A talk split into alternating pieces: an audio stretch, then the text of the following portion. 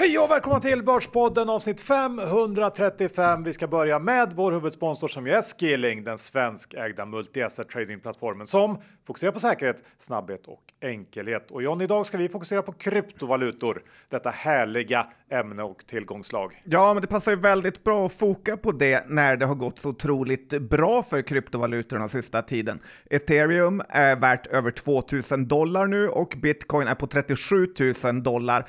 Så att eh, det är full fart eh, på kryptobörserna. Ja, mot alla odds får man väl säga, för det var väl inte många som trodde det när vi gick in i det här året med stigande räntor att kryptouniverset skulle prestera så bra som det har gjort. Men det har det och det här är ju också någonting som är väldigt kul att trada John. Ja, så är det och då passar det så bra att ha ett konto hos Skilling så man kan trada eh, de här två valutorna, men många, många fler. Ja, Skilling har ett väldigt brett utbud av kryptovalutor att handla och man kan ju såklart gå både lång och kort. Och dessutom kan man ju då göra det i kapitalförsäkringslösning för Skilling har ju en sån i samarbete med Hubins och allt om den kan man läsa om i länken som finns i avsnittsbeskrivningen. Men kom ihåg att 82 av alla riktiga kunder förlorar pengarna om de handlar efter er så besök skilling.com för en fullständig ansvarsfri skrivning. Och med det John, så återstår det bara att säga ett stort tack till Skilling! Det är onsdag igen John och vad innebär det? Det innebär Börspodden i sin yppersta toppform. Ja, och mycket mer än så behöver vi faktiskt inte säga. Det behöver vi inte, för eh, snacket kommer snackas av sig själv. Precis. Vi är den vecka sponsrade av Cameo som ju är en investeringsplattform specialiserad på att säkerställa fastighetslån med ABG Sundal Collier som huvudägare. Och John, du vet ju hur det funkar. När du investerar genom Cameo, då placeras pengarna i fastighetslån och jag har en fråga till dig. Vet du vad genomsnittsräntan landade på det senaste kvartalet? Det vet jag inte, men jag gissar att jag kommer bli imponerad för Cameo levererar alltid. Ja, 10,7 procent landar den på. Det är väldigt bra. Det är bra. Och eh, Cameo fortsätter ju också att förbättra tjänsten. De har nu introducerat en väldigt användarvänlig portföljöversikt. Och eh, för de som gillar att få regelbundna utbetalningar eh, Cameo då, bra eller dåligt? Ja, då är de extremt bra och man kommer bli väldigt imponerad när man får sin ränta utbetald varje månad. Men Johan, det finns också en nackdel. Vad är det då? Det är att deras lån är väldigt, väldigt populära och blir snabbt fulltecknade. Så att det gäller att hålla koll på deras hemsida. Så är det. Och för den som tänker på risken så ska man också veta att eh, varje lån som presenteras på Cameos plattform har noggrant analyserats av deras team av branschexperter och eh, för att ge en extra nivå av säkerhet så är alla lån säkrade oftast då genom fastighetspant och Cameo har faktiskt sedan starten 2016 inte haft några kreditförluster i Sverige. Eh, för att läsa mer om det här besök då cameo.se men kom ihåg att historisk avkastning inte är någon garanti för framtida avkastning. Din investering kan både öka och minska värde och det är inte säkert att du får tillbaka det investerade kapitalet. Och med det så säger vi ett stort tack till Cameo! Johan Dr. Bass Isaksson, vi är nu återigen över 2200 nivån och eh, det är ganska positiva tongångar där ute. Ja, men det är det ju ändå. Rapportperioden är slut. Eh, nu kan man börja se fram emot kanske ett julenisserally och eh, sen blicka in i nästa år och då brukar det kanske bli lite mer positivt under en period i alla fall. Eh, och vi, vi, kanske har den här eh, perioden framför oss nu när marknaden kan hoppas på lite bättre tider. Eh, även om jag personligen inte känner att det kommer bli så mycket bättre än på ett tag. Men eh, vi är där och det samlade intrycket från rapportperioden är väl ändå att, eh, som vi sagt tidigare, även om vinsterna håller uppe så blir tillväxten svagare, orderingången svagare. Det kommer ju att synas i resultaten nästa år och då kommer man till värderingsfrågan och jag tycker att i småbolagen så är ju ett tufft 2024 betydligt mer inprisat än i de större bolagen. Så att om något så kan man ju kanske hoppas på att 2024 eh, kan bli året där man kan hitta lite, i alla fall relativ avkastning i småbolagen. Ja, och det är extremt lurigt på börsen nu. Det skulle ju inte vara helt omöjligt att eh, vi redan sett julen i rallyt, att det är det vi har fått och att man blir lurad och tror att vi ändå ska ha en bra tid framför oss när eh, alla kommer sitta på sidlinjen igen och bli lurade. Jag vet inte, det är så svårt att säga. Det är ju precis så svårt att säga. Ja. Ingen vet. Men nu tänkte jag John att vi ska gå över på en liten annan sak. Eh, för att jag har här... Du låter nästan lite bekymrad. Lite bekymrad är jag faktiskt. Alltså. Jag har under en period haft en krypande känsla av att något lite olustigt hänt med våra, alltså Börspoddens sociala mediekonton. Är det kvartssamtal? Ja, våra konton på Twitter och Instagram startades ju som ett sätt att sprida podden, men har över tid glidit över till John Skogman gör olika saker konton.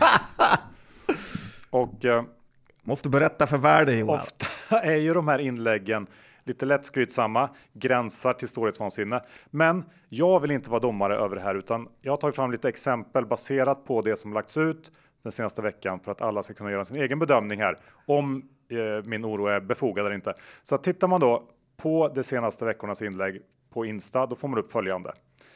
John i badbyxor i. John har tagit en selfie med en kändis. Ah, vilken dag?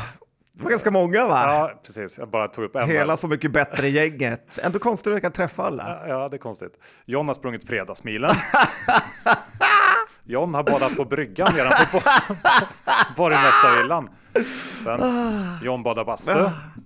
John dricker öl och kollar på fotboll. Det var bara ett axplock från senaste veckan. Och tar man sen en snabb titt på vårt Twitterkonto eh, sista veckan här, då har du retweetat en bild på när Knut gör sin beryktade entré som Avanza vd. Men den här bilden är photoshoppad och det är ditt ansikte istället för Knuts. Ja, men det var ju det var någon annan som la ut. Ja, men ovanför bilden så har du ändå skrivit att det är dags! Utropstecken, utropstecken. eh, och sen efter det så kommer det en bild på en glödande fluga. Just ja. Eh, jag antar att det här var då dagen då Firefly släppte sin rapport. Så var det den dagen du inte grattar mig. Med texten ovanför då. Boom! Utropstecken, utropstecken. Säg mitt namn! Utropstecken. och det här då efter att du eh, precis innan i avsnittet innan berättat att alla dina portföljbolag har rapporterat jätte, jätteuselt. Men då så blir då en av tio eh, bra och då ska man ju tydligen säga ditt namn. Hur känner du själv när jag presenterar faktan på det här ganska överblickbara sättet? Ja, men jag känner ju ändå att jag är lite småkrispig. Det går ju inte att komma ifrån faktiskt. Jag känner ändå att du börjar få lite svårt att hantera kändisskapet. Ja, kanske det är så. Ja, vi, du kan fundera lite i alla fall. Ja, lyssnarna får bestämma. Ja. Men eh, får jag bara säga en sak snabbt om Instagram? Ja. Att det är väldigt, väldigt kul när eh, lyssnarna eh, skickar in tips och eh, eh, sådana saker som liksom man kanske inte kan berätta i, eh, utåt. Utan vill ni, Börspodden skyddar er alltid, så har ni något så kan ni eh, tipsa Börspodden. Oerhört starkt kä- källskydd. Ja, Mm. mer än alla andra. Hur är det då med Stockholmsbörssyndromet John? Ja, men det måste vi verkligen ta upp. Det var väl lite så här Twitter-strid igår och det här är en sak som gör mig små förbannad. Alla vet ju vad Stockholms, eller Stockholmssyndromet är, men att eh, Stockholmsbörssyndromet Stockholmsbörsen-syndromet har blivit så stort gör mig väldigt, väldigt irriterad. Att folk försvarar förövaren mot de som är goda. Det här med att försvara Hexatronic mot oss Johan, det är ju något av det sjukaste jag någonsin varit med om under min tid på börsen. Och då har jag nästan ändå sett allting får jag säga. Ja, nästan. Ja, men jag blir liksom helt perplex eh, som jag hade sagt om jag hade läst DN. Alltså, hur sjukt är det inte att vi har sågat Hexatronic sedan start och eh, ja visst, det var en usel timing i början, men nu har ju aktien bara i år tappat 90 procent eh, och det ger ju oss ändå 100 procent rätt. Det blir lite som att någon har håsat Nvidia, men tillfälligt haft fel och aktien tappat. Man skulle ändå inte säga att de har varit fel ute. Eh, och då sitter det då hyfsat smarta aktörer som går in och skyddar Hexatronic. Det är helt otroligt. Nu sitter det 50 000 småsparare i den här aktien, varav i princip alla som är kvar ligger ju back. Och så hade det inte varit om folk lyssnade mer på BP. Ja, förutom ledningen då som verkar ha lyssnat och cashat in duktigt på absoluta toppen. Men i att något typ av Stockholmsbörsens syndrom skyddar de som har orsakat så mycket skada för småspararna, men också för hela svenska börsen, tycker jag är helt eh, otroligt. Eh, det finns en anledning till att Wiseroy fokar på Sverige, eh, så att jag är glad att vi finns Johan och att vi vet vad som är rätt och fel. Och sen Henrik Lying Larsson måste ju ha tagit något typ av rekord i att förnedra småspararna. Han har sålt på toppen, han har gett storfinansen enorma fördelar genom sin massage här för inte länge sedan och sen har han ju efter det lugnat småspararna med saker som att han inte är orolig och att ja, han fortfarande tror på bolaget. Och sen bara några veckor senare så vinstvarnar han igen och aktien tappar ja, väl 30 procent igår. Han måste få kicken och han kommer bli hedersmedlem på Börsdumpen. Börsdump, det blir det. Det blir det. Börsdumpen. Det blir Ja. en egen flik på Börsdumpen. ja, tyvärr så blir det nog så. Eh, och när vi ändå är inne på eh, bolag som inte kanske gjort det allra bästa för sina aktieägare så tänker jag eh, på det som hände i mm, veckan här. När jag såg att Nordic Capital sålt Consilium Safety för 11 miljarder och eh, de som har varit med ett tag vet ju att det var så att Nordic Capital köpte loss det här eh, bolaget från Consilium som nu då bytt namn till obegripliga vadå Consejo, Ja, som betyder vad? eh, jag kommer fortfarande inte ihåg. Du säger det varje gång, men jag glömmer alltid bort det. Råd eller styrelse. Det sjuka var när jag eh, sökte lite noggrannare på det här var att eh, concilium betyder samma sak på latin, men consejo är då spanska. Oklart varför man byter till spanska. Ja, Ja, ja, eh, göteborgare. Men det är de ju. ja. hur som helst. Usla. Eh, Nordic Capital köpte då det här, den här delen av Consilium för fyra år sedan. Då betalade Nordic Capital 3 miljarder och nu får man alltså 11 miljarder för det här. Det är en ganska bra avkastning på några år. Eh, Och efter den här affären så gick ju Consilium, eller då Consejo, direkt till ungefär 120 kronor. Men sedan dess har aktien stadigt dalat neråt. Idag står den väl i strax under 30 kronor. Och, eh, Ska sägas att de har delat ut typ 30 kronor med. Ja, de har gjort ett par större utdelningar, precis 30 kronor. Men ändå, det är ju fortfarande en halvering då sedan dess. Ja, och det känns ju inget eh, lockande det här bolaget. Det är helt obegripligt. Familjen Rosenblads eh, har ju verkligen slarvat bort en toppenchans här. Ja, och skillnaden om man då jämför då en halvering jämfört med det som eh, Nordic Capital gjorde så blir ju den skillnaden i värde som har skapats helt ofattbart stor.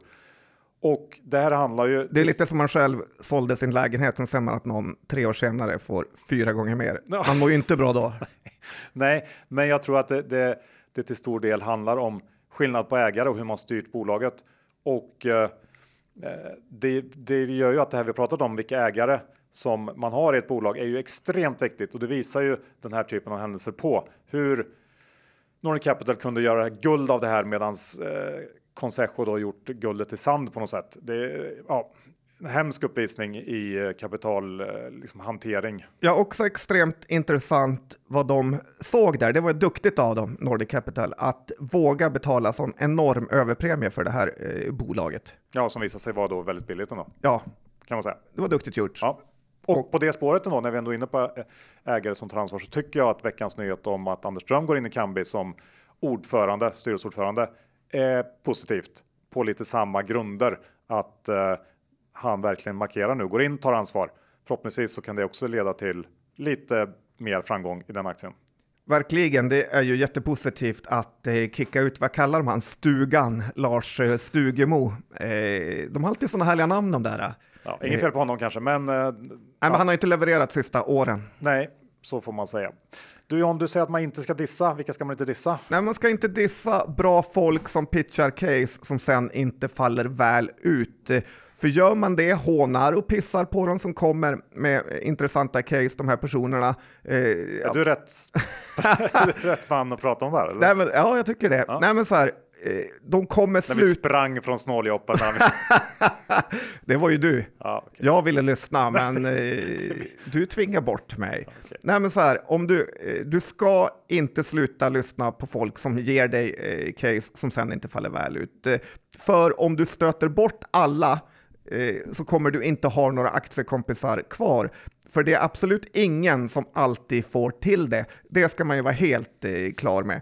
Och sen är det ju ingen som säger att du måste köpa det här caset som någon pitchar för dig, men det kan vara ganska så bra att få idéer och uppslag på nya affärer. Nästan alla eh, trades och case man har har ju kommit någonstans ifrån. Det är väldigt sällan man bara sitter och liksom fantiserar ihop eh, något. Eh, och det här gäller ju mycket, mycket mer för småsparare än om, alltså lyssna på dem, än om typ Simon Blecker säger något eh, eh i DI-TV. För en småsparare har ju så liten portfölj så man har ju mycket, mycket större möjlighet att göra spektakulära affärer än en fondförvaltare. Eh, men då kommer man också oftare att eh, ha fel. Eh, så att, eh, kom ihåg det. Ge inte upp bara för att du någon gång har fått ett dåligt eh, case. Det ska jag inte göra. Nej, för... Tack. så fortsätt lyssna på Tack mig. för tipset. Ja. Ja. Du, du såg årets julklapp John.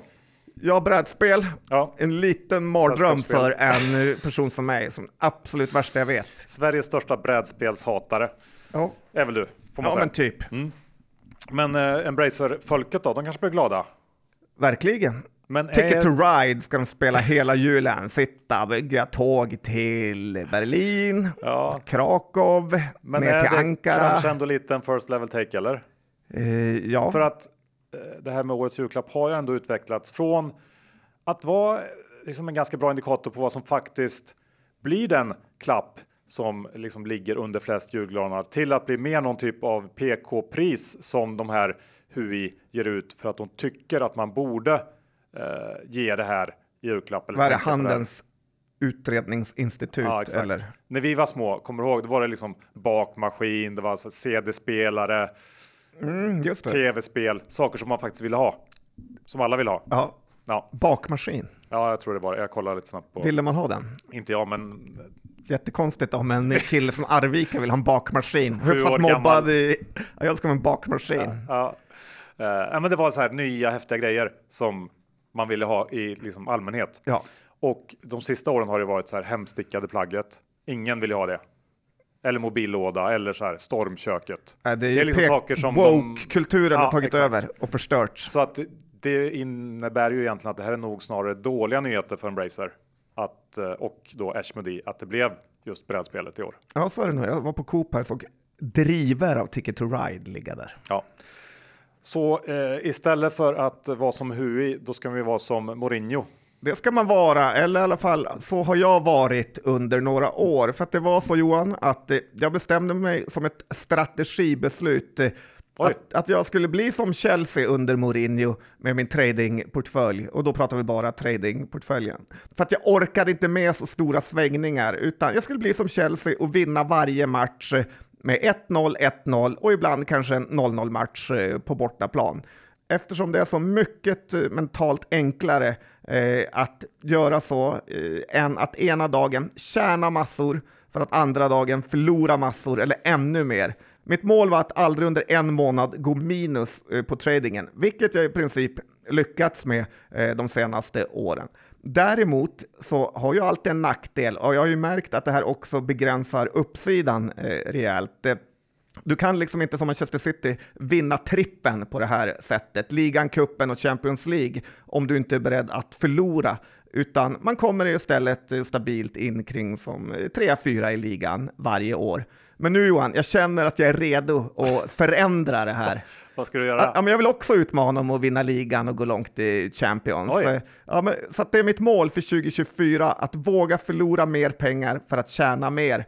Eh, och sen kan det bli en Janne Andersson av det här, att eh, man försökte spela offensivt, men istället blir det fogden. Eh, men jag Tänk- känner ändå att jag ska prova mer Hamrén faktiskt. Ja, Sådär kan- spontant. Shining, eller vad Ja. säger han? Ja. Ja, ja, men okej. Det får vi följa upp. Det känns ju som ett väldigt spännande. Men du får väl erkänna att man har väl gått lite åt det hållet under de senare åren. Ja, och- Inte lika vild som man var tidigare. verkligen. Och jag håller med om att det är ju betydligt skönare. Ja, Även om det kan. Och jag tror att längden så tjänar man ju mer på det också. Jag är inte helt säker på att den nya Hamrens strategi är den rätta. Nej, det är möjligt att jag får gå tillbaka till den gamla. Det blir lite som Isildur i poker. Man har ofattbart tur ett tag och sen förlorar man allt. Ja, lite den risken finns ju där. Vi är den vecka sponsrade av Kliens kapitalförvaltning och Jan, vi har ju nu i några veckor pratat om det här magiska datumet som alla måste markera i sina kalendrar. Ja, det börjar brännas nu kan vi säga. Den 30 november så drar Carl Sundblad tillsammans med sin förvaltarkollega Johanna Ahlqvist en gång en ny fond. Ja, Kliens Small and Micro Cap. Och eh, såg du den här artikeln i DI här i veckan? Ja, jag läste den två gånger för att jag älskar alltid när Carl Sundblad uttalar sig i media. Ja, Karl och Johanna var ute och berättade om det här eh, väldigt spännande läget som finns just nu i småbolagen och eh, de tycker ju att det kan vara den bästa tajmingen att investera i småbolag på 15 år. Och det här låter ju som en resa man verkligen vill vara med på. Nej, men så tänker jag också John.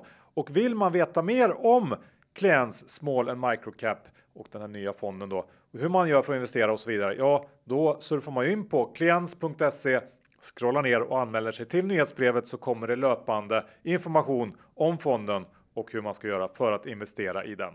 Men kom ihåg att historisk avkastning, det är ingen garanti för framtida avkastning. Pengar som placeras i fonder kan både öka och minska i värde och det är inte säkert att du får tillbaka hela det insatta kapitalet. Och med det så säger vi ett stort tack till Klients kapitalförvaltning. John, vi måste väl ändå börja med eh, Hexatronics vinstvarning lite mer i detalj, va? För det Ja, är det den tycker jag. stora händelsen den här veckan. Jag berättar om vad Henrik Laing Larsson har kommit Ja, på. igår så kom ju då Hexatronic med sin andra vinstvarning på två månader och den här kom då bara tre veckor efter Q3 och den här fibermarknaden är då uppenbarligen totaldöd.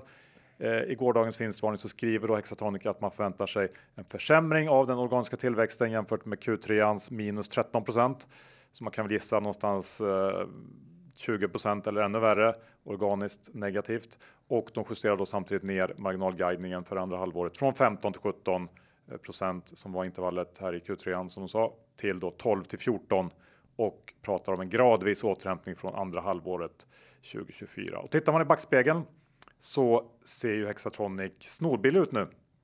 Efter som du sa i första delen att aktien då gått ner nästan 90% i år. Problemet är ju bara att osäkerheten framåt är enorm. Förtroendet för ledningen är mindre än noll. Eh, genom att försöka guida och sen misslyckas med det så kapitalt eh, som de har gjort så har de ju visat att ja, visibiliteten i den här affären den är extremt kort och ledningen är ju dessutom inte särskilt bra att bedöma eh, var vindarna blåser. Och eh, det för oss också till balansräkningen som jag eh, hört eller man, det snackas ju en del om oron för den. Nettoskulden ex leasing ligger på 2,5 miljard, vilket ju inte ska vara något problem även om Hexatronic skulle eh, uppvisa ett rejält vinsttapp nästa år.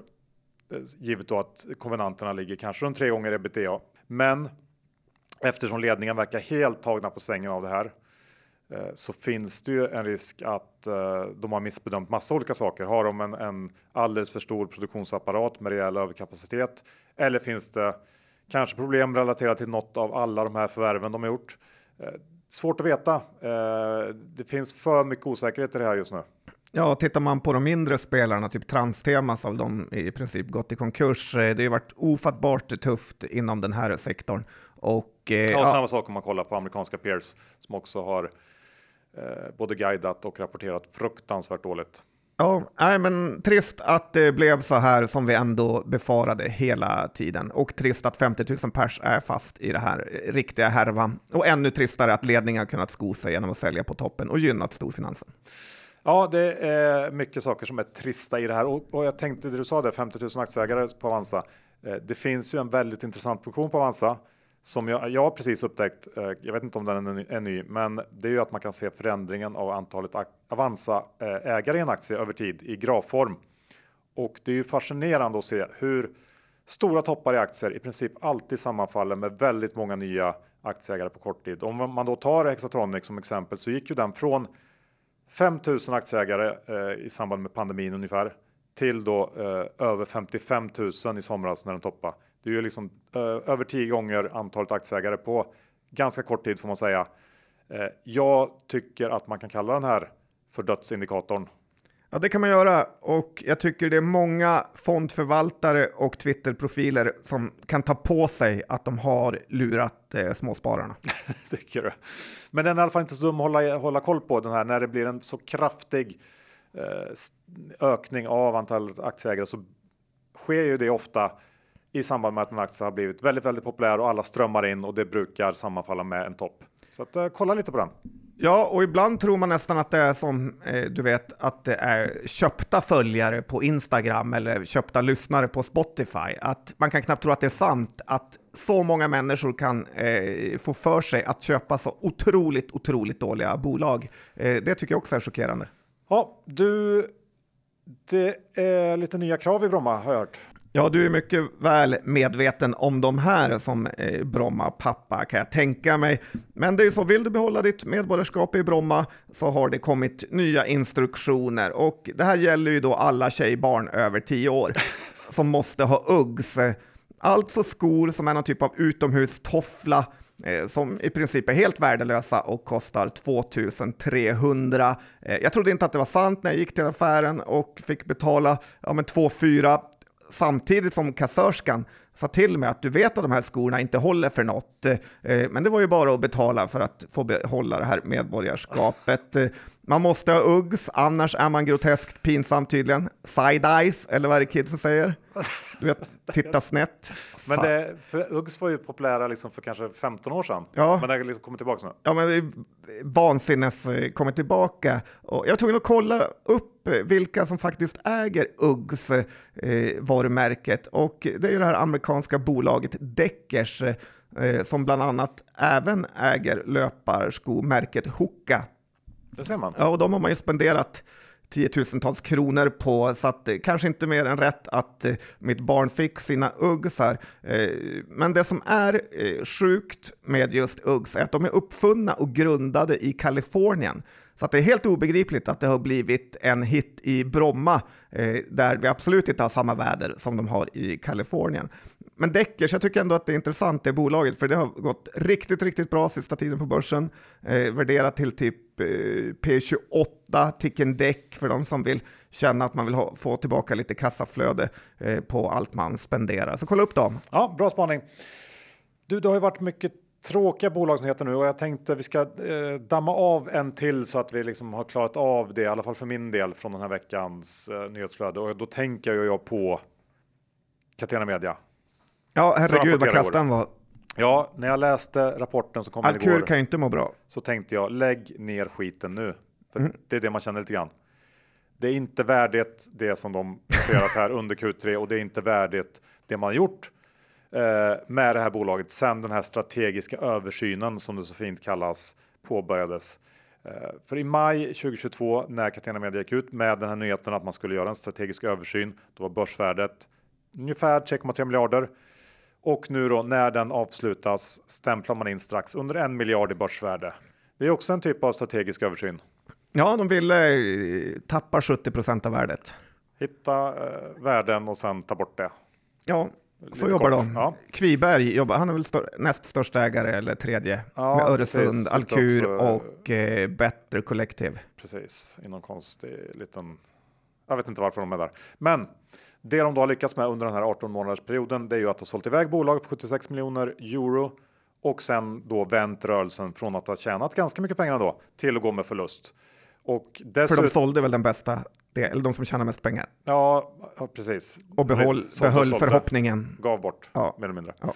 Eh, Q4 har också startat katastrofalt dåligt och eh, förhoppningen från då Catena Medias sida det är att börja växa igen under, ja, som, eh, precis som Hexatronic, under H2 nästa år, vilket ju inte heller är att sätta ribban särskilt högt då eftersom att jäms, jämförelsetalen kommer vara jätte, jättelåga då. Eh, men du vet vad vi måste göra nu, Vajon? Är det börsstumpen eller vad tänkte Ja, du? raka vägen upp på dörrstumpen för Michael Daly och hans mannar. Ja, så är det. Ja, Där kommer de sitta länge. det kommer de tyvärr göra. Försvinner miljarder från småspararna så hamnar man där. Du, hur är det då med SBB? Ja, men här kan vi också prata om den här eh, ofattbara eh, tråkigheten när det flockas nya ägare. 188 000 ägare bara på Avanza, 20 000 hos Nordnet. Lite konstig den diskrepansen, men så är det. Och det man ska veta är ju enligt mig då förstås att det enda värdet som finns i den här aktien, det är något typ av optionsvärde. Bara så att ni vet det. I grunden så är den här aktien värdelös, men om det mot förmodan skulle hända något oväntat, typ jätte, jättesnabba räntesänkningar, eh, så skulle det kunna rädda aktien. Och det är det som är optionsvärdet här. I övrigt ser jag i princip ingenting som skulle kunna rädda SBB. Att Akelius går in, ja visst, men han kommer ju komma in då via en enorm nyemission som kommer förinta nuvarande värde för aktieägarna. Eller vad mer kan folk eh, hoppas på? Ja, möjligen då kanske alltså stora försäljningar eh, till substansvärdenivå som är jättemycket högre. Det är ju väldigt också otroligt med tanke på att det som redan gått att säljas har sålts eh, eh tyvärr. Så att det är svårt att ens fantisera ihop eh, vad som skulle kunna rädda SBB. Så visst, om folk behåller aktien som någon typ av lott för att man redan förlorat 90% av pengarna, men månadsspara eller barnspara eller skicka inte in några nya pengar i det här eh, skräpet, för det är inte aktiesparande utan det är eh, spel och dobbel. Ja, och vill man då betta på någon slags eh, återhämtning i sektorn i stort så finns det ju många andra bolag som man kan titta på. Ja, för ni har sett hur det går för SAS och andra sådana här vansinnesbolag när man ändå behåller aktierna trots att bolaget i grunden är värdelöst. Det går inte bra. Precis. I morse så rapporterar Kopparbergs som vanligt en av de sista. Ja, inte imponerande på något eh, sätt här. Lite icke-nyhet nästan har ju Kopparbergs blivit. Eh, Peter Bronsmans vd-ord är ju extremt positivt. Eh, hur de behåller sina marknadsandelar och ökar lite här och var. Inte ett ord om hur man tjänar 75 miljoner på ebit-nivå och sen försvinner 25 av dem i finansnettot. Alltså inte ett ord om det. Antagligen är det valutakursförluster, men det är ändå lite små absurt att 30 procent av resultatet eh, ska försvinna i valutaförluster. Det är liksom inte Big Group vi pratar om här. Och eh, Kopparbergs har ju under eh, så lång tid de varit noterade varit en stor underleverantör av att ge aktieägarna information. Så att eh, därför är de ju också ett av de lägst värderade eh, bryggerierna. Så att jag tycker det är lite svårt att förstå att Bronsman inte förstår att de här två sakerna hänger ihop. Han måste ge bättre information till sina aktieägare, för de är faktiskt i samma lag som han. Ja, så är det verkligen. Jag håller med. Uh, vi går vidare, det finns inte mycket mer att säga om det just nu, utan vi tänker... Ska vi ta Renewcell också, som ja, är ett haveri också? Hårda idag. Oh hårda mot de svaga. Får snart utöka serverkapaciteten på börsdumpen.se. Ja, För nu hängs de upp. Verkligen. Här är Renewcell med turnaround-monstret Magnus Håkansson. Han som vänder saker från att gå jättedåligt till att gå i konkurs. Eh, han verkar ha gjort det igen faktiskt, eller i alla fall var väldigt, väldigt nära nu. Eh, Renewcell backade 28 procent igår på att de säger att det går riktigt, riktigt dåligt. Man har inga pengar och inga kunder, ingen som vill köpa något och allt är för dyrt. 15 000 avancianer står här och blir lite golden showerade får man säga i någon typ av bortkopplad verklighetsförankring. Eh, nej, det är obegripligt eh, hur det kan gå så här dåligt. Eh, Mag nu ska ju Magnus Håkansson uppfinna nya tyger han kunde inte ens sälja vanliga kläder på Brothers eller tv-apparater på Mediamarkt, men nu ska han uppfinna ett helt nytt, eh, liksom en helt ny produkt. Eh, det här bolaget kommer inte bli något, det kommer också ske en jätteutspädning av, eh, av en ny emission. Jag såg Pareto var ute och pratade om det. Det finns ingen uppsida här heller i princip. Nej, jag håller nog med dig där. Skulle inte betta på uppfinningsrikedomen där. Eller? Nej, inte hos Magnus, nej. nej. Ska vi då ta eh, ett av få glädjeämnen för mig under den senaste rapportperioden? Vet du vad det var? Eh, ja, det borde jag veta. Jag Research, tänker säga det. Ja. ja. Som ju kom in med en, en uh, fin Q3 här förra veckan. Ja, väldigt fin. Eh, stark tillväxt trots ganska tuffa jämförelsesiffror, fin marginalutveckling, bra kassaflöde. Mer eller mindre precis det man ville se och som vi varit inne på tidigare så får Research heller inte längre någon dopingeffekt av kapitaliserade utvecklingskostnader. Istället så skriver man faktiskt av mer än man kapitaliserar nu. Nettot under Q3 blev minus 11 miljoner. Tidigare har ju det varit liksom plus. Det, eh, och det har varit eh, liksom fått kritik för eh, av många. Ja, eh, absolut. Eh, och det ser ut så i många bolag. Och jag tycker att börsen kanske inte alltid är så bra på att se igenom det här, men det här höjer ju kvaliteten i bolagets resultat en hel del. Och eh, sen har vi ju Research relativt nya målsättning om att nå en rörelsemarginal på 20% minst inom tre år. Det tror jag absolut ligger inom räckhåll. Jag eh, tror ju att det finns mer än så att ta. Eh, men fortsätter man att på det här sättet då ta steg för steg mot i ett första steg då de här 20 procenten i marginal så tror jag också att aktien kommer fortsätta upp. Kortsiktigt har den gått väldigt bra så att en paus eh, nu vore inte konstigt, men det ser bra ut tycker jag. Ja, det ser bra ut. Det man ska komma ihåg är att den är väldigt, väldigt dyr. Det är ju absolut inget gratis här. Jag tycker nog att den nästan är mot det övervärderade hållet. Jag såg på... ändå att de här jättehåsade Carnegie höjde den till ynka 120. Det är 20 spänn ifrån 125 tror jag. Ja, men det är ändå liksom, det är inte långt ifrån den nivån som håsade analytiker har. De har haft många bakslag. Johan Löv cashar ut då och då. Eh, en otrolig resa. Eh, glad, kul för Günther får vi säga också. Han har verkligen tajmat den här helt eh, rätt. Jag tror också att om det, det här med att den är väldigt dyr, det beror lite på vad man tror framförallt om den här marginalen. Nu ligger de ju långt ifrån de här 20 procenten och det blir väldigt, väldigt stor skillnad. Eh, och det är ett mjukvarubolag så ja, det kan ju smälla så till. Det, det, finns ju ingen anledning till att de inte ska kunna tjäna 20% eller mer. Och tror man på det inom ett par år, då ser det fortfarande rätt billigt ut. Vad kan de tjäna då? Mer. Okej, okay, bra. Mm. Djup analys. Varsågod. Så det är därför vi ska köpa. Nej, men kul för Research och Günther. Ja. Och för dig också. Du, vi tar... Ska vi prata om The Real Slim Shady, Johan? Är det du då, eller? Det... jag har ändå lyckats påverka det. Nej, men det är en annan person eh, du inte gillar, Mr Bunge. Jag börjar känna att du är en sån usel människokännare, Johan.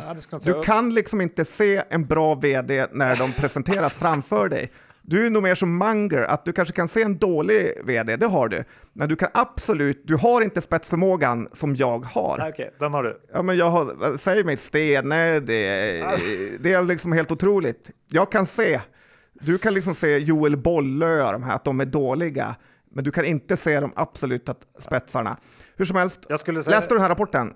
Ja, får jag bara säga en sak om Bunga? Nej, nej, jag, har, jag har vänt lite grann när det gäller Bunga. Jag måste säga det. Just det här krypet Det var för att du... Tänker inte göra med övriga, men just Bunga, okej. Okay. Jag, jag... Det är för att du såg den här dansuppvisningen så att du är rädd att han ska spöa dig. Nej, men han är otrolig. Och eh, kan vi titta på rapporten Johan? Ja, men gör det. Eh, tror du att han skrev under den med headcoach eller jag, inte headcoach? Jag kollade, jag vet. Klart han gjorde det eh, och eh, det förstår man ju mer och mer när man ser resultaten.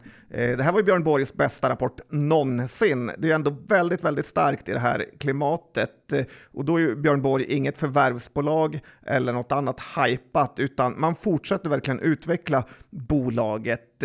Eh, eller både ja och nej kan man faktiskt säga här, för att det är ju kalsongerna som fortsätter leverera och står ju för eh, sjuka 57 procent av hela omsättningen här. Eh, samtidigt Johan, hur ofta kör du Italiano? Inte ofta. Berätta när. Alla vill veta. Det ska vi lägga ut på Insta. Johan kör Italiano. Nej, men man kommer ju fortsätta använda kallingar, så är det ju. Det är nog en korrekt spaning. Ja, och ja. Sen eh, frågan om det är positivt eller negativt, men det är ju återförsäljare som är största segmentet. Även om man vill prata om att man äger sitt varumärke eh, så är det faktiskt så att sådana här megaställen som typ Ullared är där man säljer enorma mängder kallingar. Samtidigt känns det lite fjompigt på att gnälla på en sån sak. Eh, för hur många går runt alltså, och gnäller på att Calvin Klein har för stor del eh, kalsongförsäljning. Det är inte så många. Nej. Eller vart de säljs eh, för den delen. Så att, eh, jag är imponerad och också kul att du verkar vara det nu, men att Bunge lyckats göra Borg till ett ja, men bra märke som tjänar mycket pengar. Och lite är ju faktiskt största risken nu att han blir rekryterad till något större eh, företag. Jag har en liten tanke där. Ja. Att...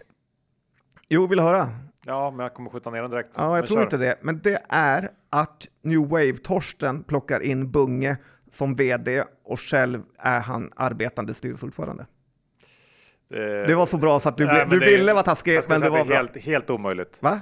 Det går, jag, jag, ser inte det gå ihop med, det är ju två helt olika företagskulturer. Fattar du hur Torsten kommer få träna på fredagsträningen ja, exakt, då? Exakt, det sa du ju. Det kommer ju liksom inte hända. Han orkar ju inte med den typen av uh, lite liksom fascistträning. Nej, men säg inte så. Nej, men det, det, kommer inte, det kommer inte gå. Det, det lirar inte. Jag tror att det är väldigt få, det, det går liksom inte. Han har haft lite tur här Bung också, att han.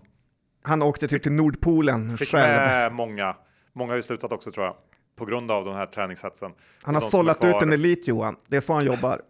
Men det ah. kommer ju inte vara några snaps och GT Nej. på fredagar Nej. på New Wave. Och Kanske det bra. tror jag inte det är inte den stilen Torsten vill ha. Men Torsten, jag skickar det, ut en. Det här, gör du så här så kommer jag ändå bli imponerad. Ja, Johan du, tror inte på det. Nej, jag tror verkligen inte på det. Men det jag ville säga också här, tillägga till Borg, är ju att du, jag tycker du berömmer lite väl mycket. Man får ju säga att det var inte kanske helt oväntat om man tittar på andra retailbolag som rapporterat bra, Revolution Race, eh, New Wave i viss mån och så vidare. Det, det har ju ändå gått hyfsat verkar som för ganska många i branschen. Så att, uh, att prestera, vad var det, 5% tillväxt är väl inte... Däremot är man duktiga på lönsamheten. Där lyckas man ju väldigt bra. Men ja. men kul att Sverige ändå har hittat ett nytt eh, segment där vi lyckas inom sportswear. Ja, absolut. Och outdoorwear. Hej då! Vi avslutar med John pratar lite egen bok och jag försöker uh, vara så negativ jag kan. Ja, och orsaka spararna också skada. Men uh, så här, John pratar i egen boksegmentet. Du brukar också ha det, men du lindar ju in det i finare, som att du är liksom Indien-expert eller någon betting-expert. Ja. Uh, nej, men jag tycker det är lite kul här att våga säga vad man ser så att man också kan hållas accountable. Eh, så det här är ju saker som, case på ett år, ja. som okay. ska bli intressanta. Mm. Eh, och vi pratade ju förra veckan om Arla Plast och extremt billig. Den aktien kändes, särskilt som Arla sa att, eh, lite dåligt namn där, man tror att det är mjölkbolaget ja, där. Och mm, vi gillar ju inte saker man ska mjölka, eller hur? Nej. Potatisar och sånt. Så att byt namntips. Eh, nej, men det pratades ju om att Arla sa att det kändes som att efterfrågan just hade börjat eh, komma upp igen från eh, låga nivåer. Och eh, så här, rygga mig inte, för jag har bara haft fel i två år hittills. Men Duroc är ju ett annat litet bolag som är stora inom plastsegmentet, som har haft det väldigt, väldigt tufft ja, i två år. Och eh, om det skulle vara så att det vänder inom plastsegmentet eller branschen eller vad man kallar det, så finns det ändå hyfsat stor uppsida i ett skuldfritt Duroc. Eh, eh vad säger du om det här Johan? Börsens enda så plastfokuserade investerare. Lite så är det. Är jag plastkungen? Egen, helt egen nisch. Ja, jag ja, vet. Skulle kunna vara något du skulle kunna liksom... Ja, men jag, jag tycker ändå den... att det ska bli intressant att kolla och jag känner liksom att det är dags för Gyllenhammar att sluta skämma ut sig. Han borde känna någon typ av revanschlusta. Ja, jag tror han är ganska arg på dig också. Ja, men vad, här, det är fel att kanalisera mot mig. Han borde vara arg på John Häger och sig själv. Ja, Ja. Jag är ju alltid hårdast mot mig själv och ser vart det har tagit mig. eh, ja, jag, jag, kan inte säga så mycket om plast, uh, ditt plastbett där. Det känns kanske lite tunt. Uh, jag har fortfarande inte läst Arla Plast rapport. Vet inte om jag kommer orka heller. Men det var ju någon som sa att du skulle läsa det tre gånger för att... Ja, eh, ja men vi lämnar här. Ja, det känns mer som ett konjunkturbett tycker jag. Ja, kanske, kanske inte, men kolla på Duroc om ett år och håll mig accountable då. Ja. Sen var det ju det här eh, du pratade om Nordic Capital eh, som köpte Consilient Safety som ett brandskyddsbolag eh, och på fyra år tripplat pengarna. Eh, du vet ju att det här låter ju inte jätte, jättedåligt för ett annat litet brandskyddsbolag som i folkmun kallas vad då Johan? Jag kommer inte ta det ordet i min mun. Eldflugan med hela svenska folket. Nej, men det här verkar vara en bransch som är hetare än någonsin. Ett litet instick bara. Eh, nej tack. Eh, Den aktien har next. ju gått mer än eh, så sedan dess. Jo, men du sa ju hur viktigt det var med bra ägare. Här är ju bättre ägare än det i Nordic. är det ju in, kanske inte. Men, Kunniga. Men, men den utvecklingen har redan hänt. Så ja. jag vet inte riktigt. Ja, det är möjligt. Men... Det var möjligt, det är ju fakta. Jo, men det kan allt. Firefly har väl typ gått exakt lika bra som de här Consilium Safety under samma period. Ja, kanske ska betta på John Skogman istället för familjen Rosenblad. Ja, ska ta över Consejo med. Nej, men intressant det här. Så att jag tror man inte ska eh, ge upp Firefly utan oavsett vad Haspin-veckan skriver för analyser. Så vill ha det tredje utan att vara liksom för sur. Ja. Eh, Akelius D. Alltså, jag undrar vad det som händer där kan man fråga sig. Aktien faller fritt just nu utan att det finns någon som helst anledning där, eh, förutom att Rogga Akelius inte köper tillbaka några aktier eh, som man hade hoppats på. Och ja, det är väl så Roger Akelius har blivit rik eh, genom att han är extremt oberäknelig och man vet aldrig var man har honom. Men jag tror inte att han skulle överge 10 000 småsparare som stöttat Akelius med äga den här aktien för att sen lägga ett eh, skambud. För det finns ingen sån nivå du måste lägga bud på eh, här eh, som du gör i de andra preffarna. Eh, samtidigt så köpte han ju Rutgers aktier i eh, Castellum var det va? För att sen försöka squeeza honom med att liksom säga negativa saker. Så att du vet ju aldrig, aldrig vart du har eh, Rogga. Eh, men för min portföljs skull och alla tiotusentals småsparare som trott på dig, svik oss inte Rogga. Och jag tror att det är ett ganska intressant köp kring de här eh, nivåerna. Här börjar jag ana lite fruktan och rädsla idag. ja, men vem är inte rädd för Roger Akelius? Nej, Där... exakt. Jag vet inte om jag skulle sätta all min tilltro och, och mitt hopp till att han ska vara god. Eh, där ska du sätta väldigt lite till och sätt såklart inte alla pengar här, men ändå spännande. Och John, vi har ju dessutom den här veckan träffat Esbjörn Lundevall på SEB för att snacka lite aktier. Eh, SEB sponsrar den här veckans avsnitt och eh, tycker jag var ett trevligt snack ja, med kul, Esbjörn. Ja, kul att han drog lite case också. Ja, så det kommer här. Då säger vi välkommen till Esbjörn Lundevall som ju är aktiestrateg på SEB. Tack så mycket. Kul att ha dig här. Du har varit med förut i podden. Ja, för några år sedan var jag med. Ja. ja Eh, jag kommer inte riktigt ihåg vad vi pratade om då, men nu vill vi ju veta hur du ser. Jag kommer ihåg att jag håsade Swedish Match. Gjorde du det? Jajamän. Ja, det är klart du kommer ihåg. Det var ju väldigt bra. Får se om det kommer någon, någon liknande fullträff den här gången. Men vi börjar med vad du ser eh, när du blickar ut över aktiemarknaden just nu.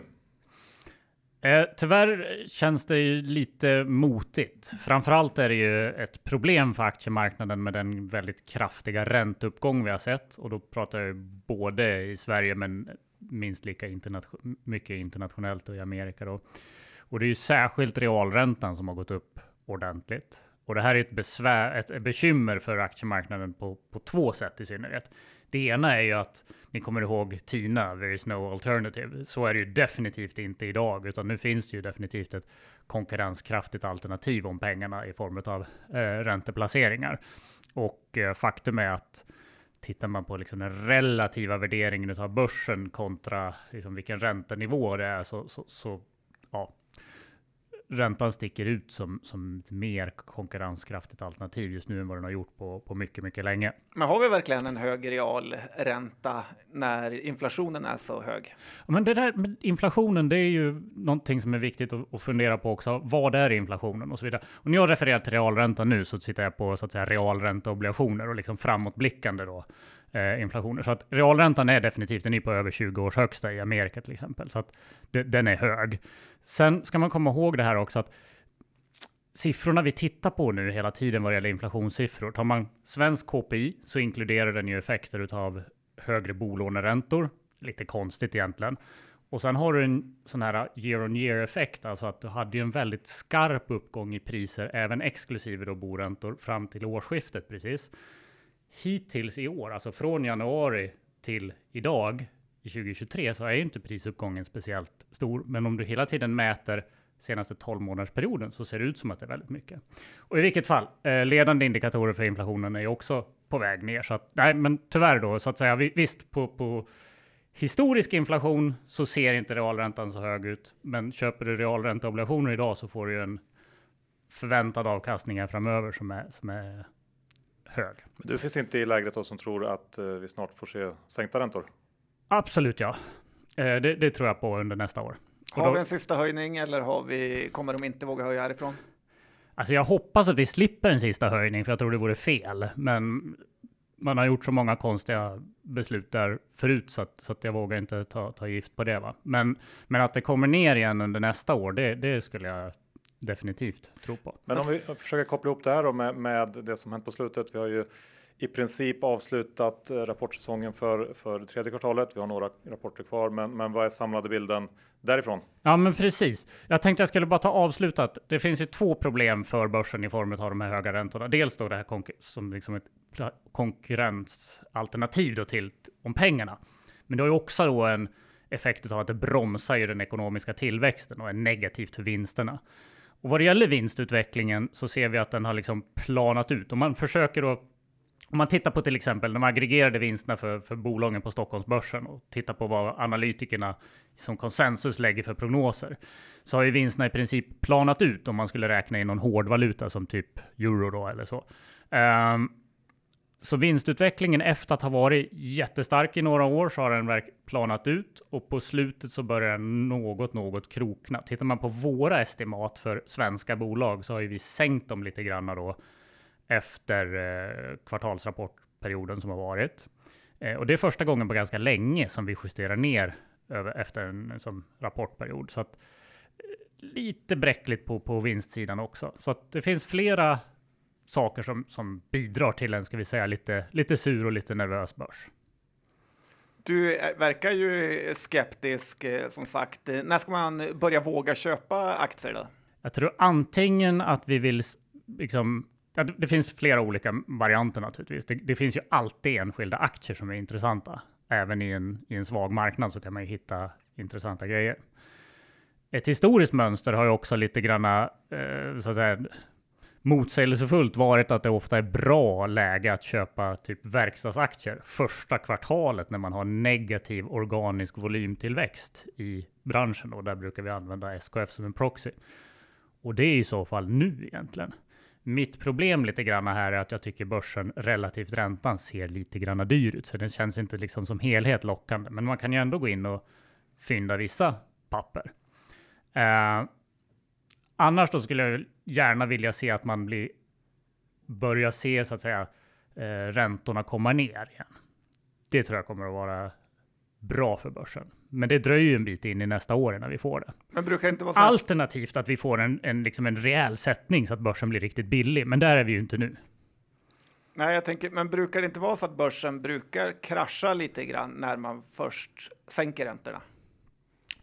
Det kan ju hänga ihop med att du då är i ett, i ett läge där så att säga konjunkturen börjar bli riktigt skakig, precis som, som den ser ut att kunna vara nu också.